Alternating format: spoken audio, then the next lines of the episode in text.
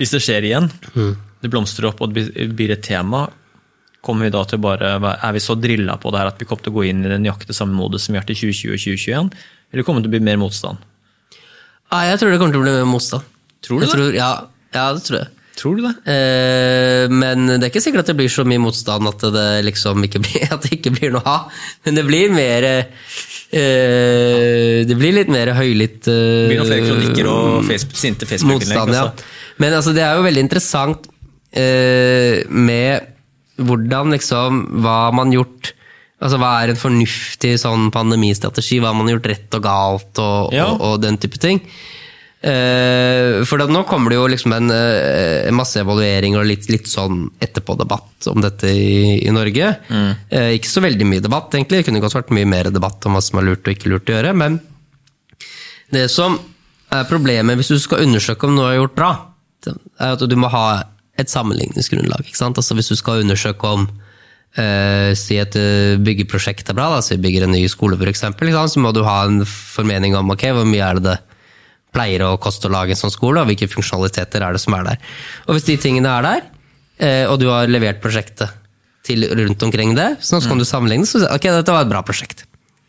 Men med eh, sånn eh, pandemihåndtering så har man egentlig ikke noe sammenligningsgrunnlag. Så man, vi, vi vet, det er ingen i samfunnet som er enige om hva er det som er den perfekte strategien. For det er jo et politisk og, u, og egentlig underbelyst og underdiskutert spørsmål. Likevel så lager man jo veldig mange evalueringer. Men hva er det de evalueringene gjerne ser på? Og de ser veldig ofte bare på om prosess er fulgt. Da. Ikke sant? Så er- har vi fulgt alle de prosessene som ligger til grunn for det norske samfunnet? Veldig sånn prosessorientert, ganske lite resultatorientert. Fordi man ikke er enige om hva som er et godt resultat. Men det er hva som er et godt resultat, som er den interessante tingen å diskutere egentlig i en evaluering. Eh, og eh, der er det jo liksom en, en dyp etisk debatt, ikke sant? som det norske samfunnet egentlig ikke har helt tatt. Eh, og det er jo i hvilken grad er det riktig å, å verne eh, innbyggere av høy alder, med, hvor prisen blir betalt av innbyggere med veldig lav, lav alder, Ja. som mister skoleutdanningstilbudet sitt. Eh, og den debatten den er litt sånn Den er litt til stede i andre land, men også der er den også litt sånn rar, for at den koker da bare ned til en sånn derre eh, Lockdown fungerer, lockdown fungerer ikke eh, debatt. Mens jeg tror at det, eh, du i stedet liksom er nødt til å identifisere for hvilke formål fungerer lockdown, og for hvilke formål fungerer det ikke. Ikke sant? Og du kan ha eh, Jeg tror at lockdown kan fungere som et ok tiltak, hvis det er min personlige mening, hvis tiden du effektuerer over det, er kort, og du kan bruke den korte tiden på å gjøre et eller annet som gjør deg bedre rustet til å håndtere selve pandemien. ikke sant? Ja. Så uh, hvis man liksom skulle evaluert det til min standard, da, så ville jeg sagt at øh, ja, kanskje den første lockdownen man hadde i Norge, som var ganske kort, var noenlunde fornuftig, for at vi fikk utredet viruset og fikk en ganske normal sommer. Og siden vi visste at vi ville få vaksine eh, rundt eh, jul da, på høsten, okay, så kunne vi stenge ned et par måneder til, fordi vi visste at vi ville få den gevinsten. Men at man holdt på med det veldig mye lenger etter at man hadde begynt å vaksinere de som var i de største risikogruppene, det er for meg ganske uforståelig, egentlig. Eh, men før du liksom har definert litt hva du ønsker å oppnå, så er det ganske vanskelig å lage en, en, en ordentlig evaluering av det. det, er det liksom så enkelt at eh, når man hadde holdt dødstallene så lave som man hadde gjort med det effektive lockdown-tiltakene, så var det veldig fristende å fortsette med det for ikke å få blod på hendene sine. Ja, det tror jeg, og jeg tror også at det var Jeg, når jeg har analysert mediebildet av de tingene i ettertid, og liksom lest dokumenter og sånn, så ser jeg veldig tydelig eh, spor av det du kan kalle for målutglidning. Så opprinnelig så snakket man jo om, og det var egentlig da man hadde besluttet, at man skulle vaksinere alle som var over 45 år. Eh, De under 45 år har veldig lav risiko for å utvikle alvorlig sykdom eller dø. Eh, Men når man hadde gjort det, så ble det liksom en, på nytt en ny diskusjon om at nei, men vi må vaksinere mer og mer og mer, og mer før vi kan gjenåpne. Ja. Eh, øh, og jeg er ikke nødvendigvis imot å vaksinere de som er under 45 år. Jeg har jo selv tatt to vaksiner, liksom, så jeg syns det er helt fint. Men at hele samfunnet skal være nedstengt, til at du skal liksom ha masse sånn meter og lage masse krøll og problemer for alle kulturaktører eller utelivsaktører fordi at jeg skal vente på å få vaksine, liksom, det syns jeg er veldig det, det, det forstår jeg ikke. Så der tror jeg man til slutt liksom, fordi man hadde begynt med en løsning som hadde en helt ok kost-nytte-fordeling i starten, så holdt man på den løsningen selv lenge etter at kost-nytte-brøken var liksom en, en helt annen. Da. Eh, og det syns jeg i, i veldig begrenset grad er diskutert i det norske samfunnet. Eh, det er eh, litt tilløp til det, liksom. Jeg så jo hun Camilla Stoltenberg mente annet at, mente at de hadde holdt på for strenge tiltak for lenge. Da. Så det er liksom en, en viss debatt om det. Men, det, men jeg syns det er rart at det, uh, når liksom hele befolkningen går gjennom en sånn prosess, da, at det liksom ikke er noe mer granskning om det. Uh, og så er jo den andre tingen som er Når du har sånn veldig sånne prosessorienterte evalueringer, er alle prosesser fullt.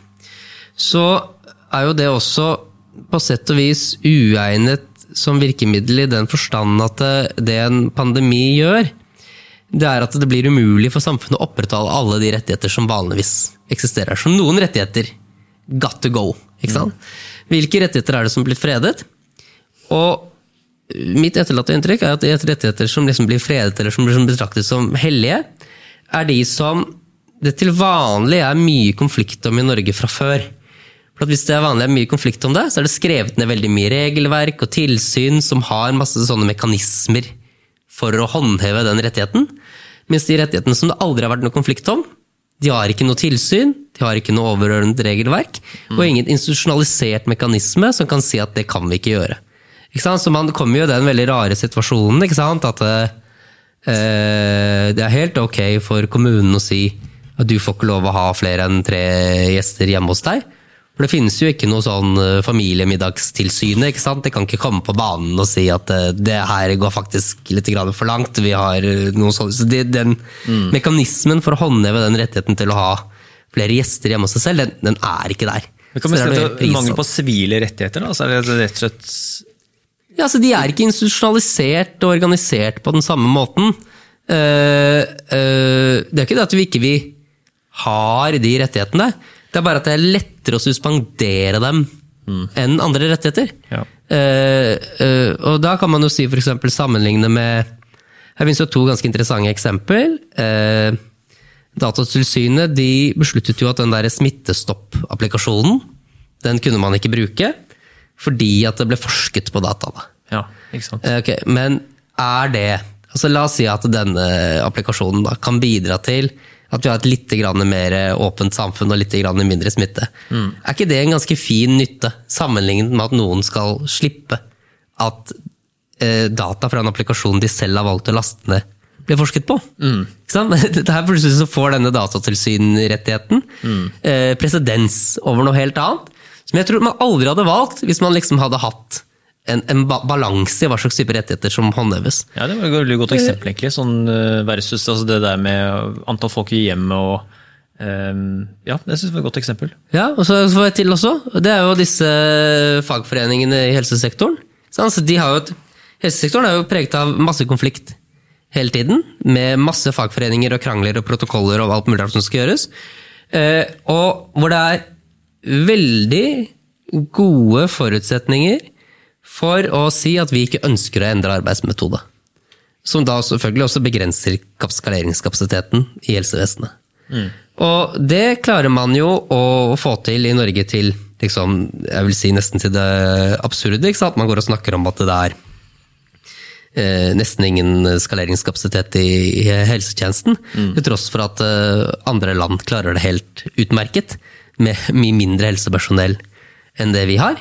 Men det er fordi at disse eh, rettighetene og sedvanene i helsevesenet de står veldig veldig, veldig sterkt. De har et veldig veldig sterkt institusjonelt forsvar. Mens hvor eh, Hvis du driver liksom en eh, pub, da, eller har lyst til å ha noen venner på besøk, så har ikke det de samme sterke interessene som kan si at denne rettigheten din den kan ikke bli suspendert. Ja, Det er jo noe vi har snakka om så tidligere, og som har vært mye snakk om, er jo Det kommer liksom litt senere ut i diskusjonen, debattene, det her med sykehuskapasiteten og hva det som egentlig foregår. For det var mye av det som var argumentene også i spesielt 2021. At Ja, ja, ja. eh, sykehuskapasitet, altså det, de sykehusene kommer til å kollapse om ikke de siste tar vaksinene nå snart. Ja, altså, altså Man kan jo si selvfølgelig på at eh, Det er jo finnes jo selvfølgelig et knekkpunkt for sykehusene også de facto kollapser. Men det er jo ikke noe grunn til å tro at det knekkpunktet skulle være i Norge veldig, veldig, veldig, veldig mye lavere enn i våre naboland. Men er det liksom- ja. det er liksom Det er veldig sånn binær eh, hva skal vi kalle det, demagogi. også sånn at, eh, at det kollapser. altså det vil jo være at Et sykehus vil jo aldri sånn på en måte være null og en én, at det fungerer og ikke fungerer. Det vil jo være at det blir sånn overbelastning, at man gjør det beste ut av det. Men altså at, det, at det er ikke sånn at det, at sykehuset blir plutselig på skjøtter ned, og at ingen får behandling. Det vil jo være bare at det blir en, en, en kø som hoper seg opp, og det blir overbelastning på de som jobber der. men det vil, Ja, det ikke, det vil, det vil, det vil ikke bli sånn at ingen blir behandla. Nei, selvfølgelig ikke. Det vil være eh, Altså, det finnes jo eh, mulige scenarioer som er veldig problematiske. Det ene er hvis det kommer veldig veldig mange flere covid-pasienter på en gang enn det sykehuset kan håndtere.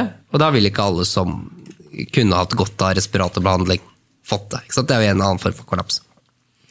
Den andre formen for kollaps er at du over veldig lang tid har så mange covid-pasienter at du må utsette alle former for elektiv behandling, slik alle får utsatt operasjonene sine, helt til det operasjonene, de operasjonene blir prekære. Da.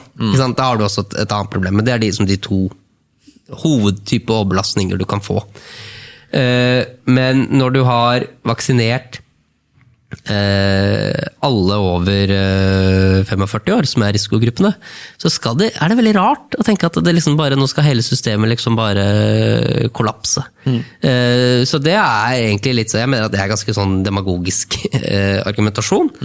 Eh, eh, eller litt sånn intimiderende argumentasjon, liksom. At det bare, å, hele helsevesenet liksom bare kollapser. Eh, og det er ikke så veldig stor grunn til å, å, tro at det skulle gjøre det, for det er mulig å omorganisere ting annerledes på disse avdelingene. Men det bryter Det å omorganisere ting, organisere ting annerledes, det bryter også med eh, både de etablerte liksom, profesjonsinteressene og lønnsinteressene i, i helsesektoren. Fordi at eh, det du Det man har i Norge, er at man har jo en modell eh, som man kan diskutere om er fornuftig, men som gjør at eh, lønningene i offentlig sektor ikke liksom vokser fortere enn i konkurranseutsatt sektor, som da er frontfagmodellen.